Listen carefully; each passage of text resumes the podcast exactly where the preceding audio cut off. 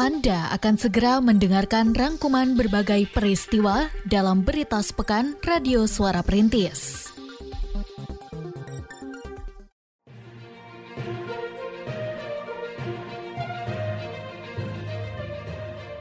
Berita sepekan Radio Suara Perintis FM Kota Sukabumi.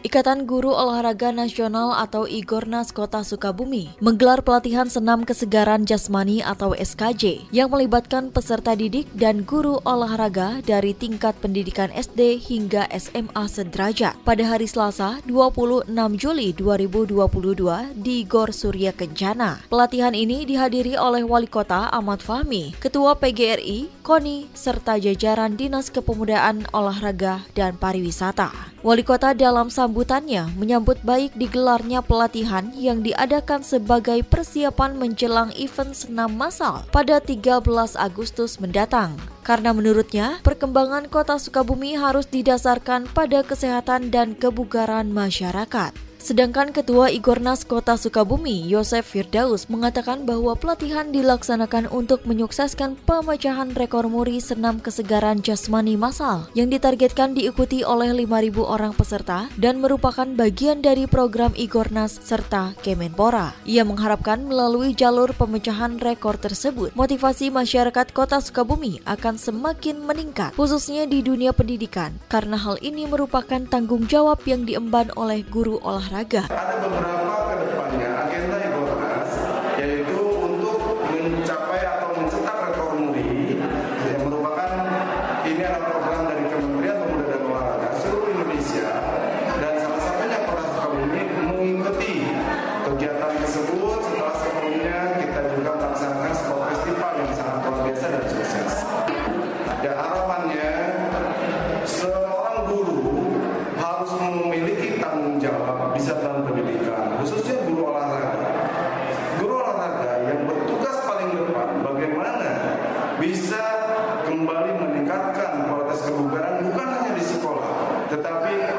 bagaimana sebagai uh, meningkatkan harapan untuk berolahraga masyarakat Kota Sukabumi Rafila Zilal dan Naufal Al-Hakim menjadi Mojang dan Jajaka Moka Pinilih dalam Grand Final Pasang Giri Mojang dan Jajaka Kota Sukabumi yang digelar pada hari Rabu 27 Juli 2022 di Gedung Juang. Adapun Moka Wakil 1 disandang oleh Alifani Safadila dan Sultan Golden Nior, sementara Mutiara Uzma dan Elvan Triansyah terpilih sebagai Moka Wakil 2. Mojang pinilih Rafila Zilal yang diwawancarai seusai Grand Final yang dihadiri oleh Wali Kota Ahmad Fahmi, Wakil Wali Kota Andri Setiawan Hamami, Ketua TPPKK, serta jajaran Forkopimda mengatakan ia merasa bangga bisa meraih peringkat pertama dalam pasang giri ini. Karena menurutnya, setiap finalis memiliki kemampuan berbeda yang membuat pemilihan sangat kompetitif. Sedangkan Kepala Dinas Kepemudaan Olahraga dan Pariwisata Kota Sukabumi, Tejo Chondro Nugroho, pada kesempatan tersebut menerangkan bahwa ia merasa bersyukur karena pasang Giri Mojang dan Jajaka bisa kembali digelar setelah dua tahun absen karena pandemi COVID-19. Menurutnya para Mojang dan Jajaka selepas mengikuti pasang Giri mengemban tugas yang berat – yaitu menggugah kesadaran pemuda kota Sukabumi dalam era disrupsi informasi, memberdayakan setiap potensi pemuda-pemudi, mengembangkan kewirausahaan dan ekonomi kreatif.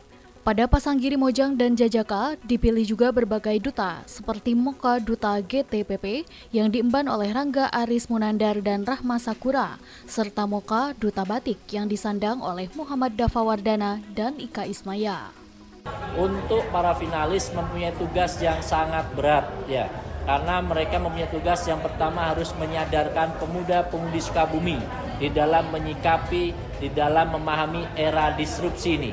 Kemudian yang kedua mempunyai tugas untuk memberdayakan pemuda-pemudi bagaimana potensinya, bagaimana untuk mengajak, bagaimana untuk memberdayakan mereka di era saat ini. Kemudian mereka juga harus mengembangkan jiwa kepemimpinannya, jiwa untuk keterpengaruhannya, jiwa untuk mempengaruhi para pemuda-pemudi sehingga mau mengikuti apa yang diharapkan oleh pemerintah dan apa yang diharapkan oleh kegiatan ekonomi kreatif. Kemudian mereka juga harus mulai untuk mengembangkan kewirausahaan ya bagaimana potensi keterampilan dan wirausaha mandiri dalam upaya mewujudkan kota Sukabumi sebagai kota literasi, Dinas Perpustakaan dan Kearsipan Daerah Disposibda Kota Sukabumi menggelar festival literasi yang diisi berbagai lomba dari tanggal 27 sampai dengan 28 Juli 2022 dan dibuka secara resmi oleh Wali Kota Ahmad Fahmi turut hadir pada pembukaan yang dilaksanakan di kantor Dispusipda tersebut, di antaranya Bunda Literasi, Fitri Hayati Fahmi, serta para camat dan lurah.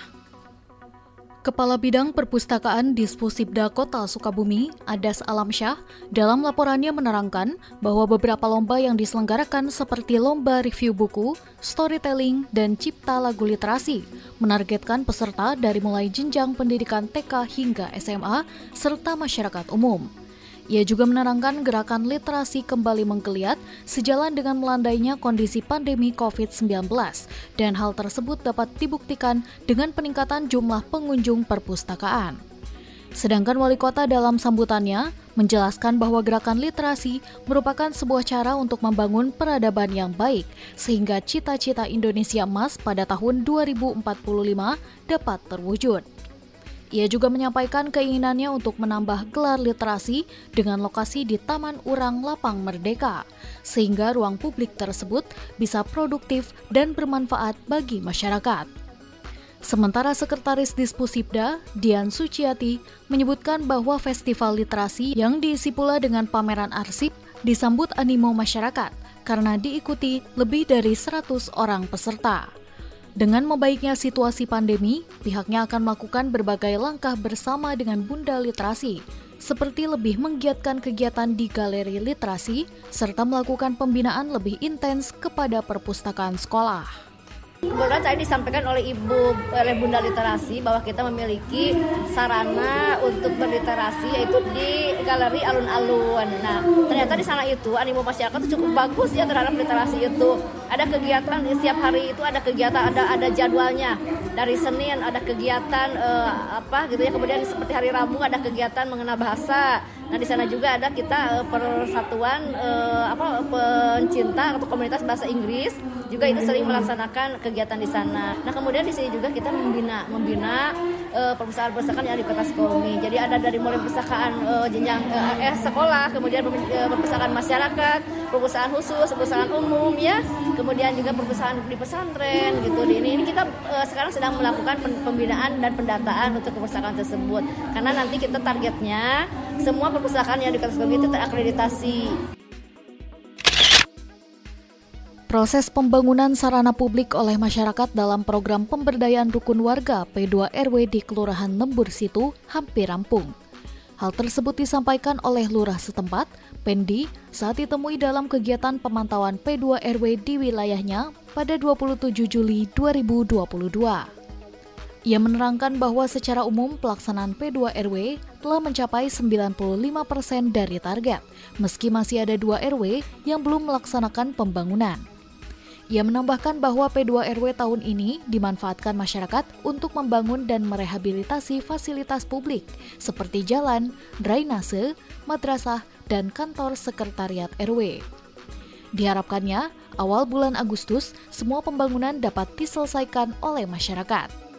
Pelaksanaan untuk sekarang sampai dengan tanggal 27 Juli 2022 kita hampir 95 persen terserap dilaksanakan. Di samping pengerasan jalan gang, jalan lingkungan, ada perbaikan madrasah ya Pak di RW 15. Itu ada gorong-gorong, jalan setapak, pembangunan madrasah, dan pos RW ya, pos RW. Sementara Ketua RW 17, Wawan, saat diwawancarai pada kesempatan yang sama, menjelaskan bahwa P2 RW dimanfaatkannya untuk meningkatkan kualitas jalan dengan pemasangan paving block di empat titik dengan panjang total mencapai 160 meter. Ia juga menyampaikan bahwa P2RW yang didukung dengan dana swadaya masyarakat sebesar Rp2.400.000 memiliki dampak positif bagi lingkungan dan masyarakat. Untuk RW 17 kegiatannya yaitu pemasangan paving block yaitu 4 gang dengan uh, volumenya kurang lebih 160 meter persegi ya. Terus yang satu lagi ditambah buat kebutuhan masjid di Bado Solihin yaitu satu unit sound system. Progres pelaksanaan program pemberdayaan rukun warga atau P2RW di Kelurahan Sriwidari baru mencapai sekitar 48 persen. Demikian disampaikan oleh lurah setempat Didin Rosidin saat ditemui pada hari Rabu 27 Juli 2022. Dijelaskan lebih lanjut, dari 14 RW yang ada di kelurahannya, 7 di antaranya telah selesai melaksanakan P2 RW, sementara sisanya masih melakukan pembangunan. Seperti di kelurahan lainnya, pemanfaatan P2 RW di Sriwidari pun lebih banyak digunakan untuk pembangunan sarana prasarana dan hanya sekitar 25% diarahkan kepada kegiatan pemberdayaan masyarakat. Lurah Sriwidari menjelaskan bahwa dalam pengawasan P2RW, pihaknya melibatkan Lembaga Pemberdayaan Masyarakat atau LPM agar semua hal dapat berjalan sesuai perencanaan yang telah disusun warga. Ia mengharapkan pula untuk ke depannya, masyarakat bisa menggunakan P2RW tidak hanya untuk kegiatan pembangunan infrastruktur, tetapi juga pemberdayaan masyarakat seperti berbagai pelatihan. Berdasarkan ajuan dari para ketua RW ini kebanyakan ke fisik ya. ya. Gitu.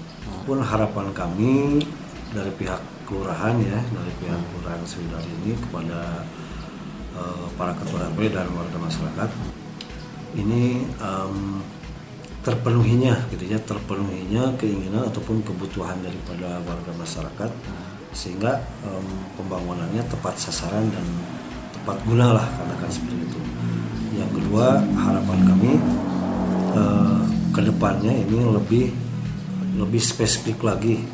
Jadi tidak um, ke fisik saja kan? Tapi harus ada ke pemberdayaannya Sekretaris Dinas Ketahanan Pangan, Pertanian dan Perikanan DKP 3 Kota Sukabumi, Susiana, membuka pelatihan tematik pekarangan pangan lestari P2L dan meresmikan rumah bibit di RW 8 Kelurahan Benteng pada hari Kamis 28 Juli 2022. Lurah Benteng Tri Hastuti dalam kesempatan tersebut menyampaikan bahwa ia menyambut baik digelar pelatihan P2L karena memiliki berbagai dampak positif bagi masyarakat, dari mulai pemenuhan kebutuhan pangan mandiri, peningkatan perekonomian, serta membantu pencegahan stunting dengan penyediaan pangan yang bergizi.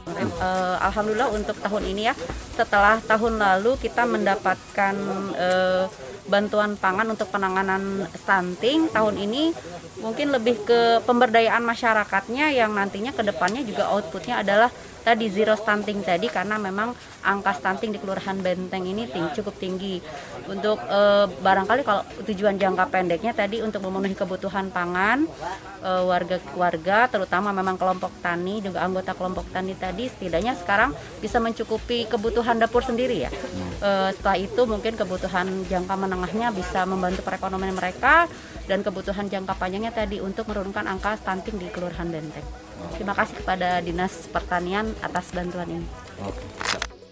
Sedangkan Sekretaris DKP 3 mengatakan bahwa kegiatan pekarangan pangan lestari merupakan upaya untuk meningkatkan ketersediaan, aksesibilitas, dan pangan rumah tangga sesuai dengan kebutuhan pangan yang beragam, bergizi, seimbang, dan aman atau P2SA, serta berorientasi meningkatkan pendapatan rumah tangga.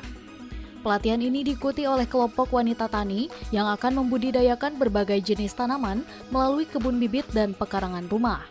Ia menambahkan, P2L juga merupakan upaya untuk memenuhi kebutuhan sayur mayur di kota Sukabumi di tengah menurunnya luas sawah dan kebun akibat alih fungsi lahan.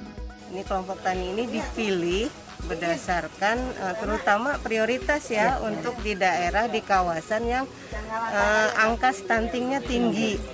Nah kebetulan di Kelurahan Benteng ini stuntingnya paling tinggi sekota. Jadi uh, kelompok ya. ini kita menjadi prioritaskan untuk bantuan uh, kegiatan P2L. kelompok ini uh, harus uh, apa ya setelah diberi bantuan harus berkembang gitu ya. Jadi pertama itu untuk mengatasi kebutuhan masing-masing rumah tangga ya kebutuhan sayurnya gitu terutama uh, gizi keluarga. Terus yang kedua untuk membantu perekonomian keluarga itu sendiri kelompok ya terutama. Nah kalau itu udah bergulir udah berkembang bisa membantu juga masyarakat sekitar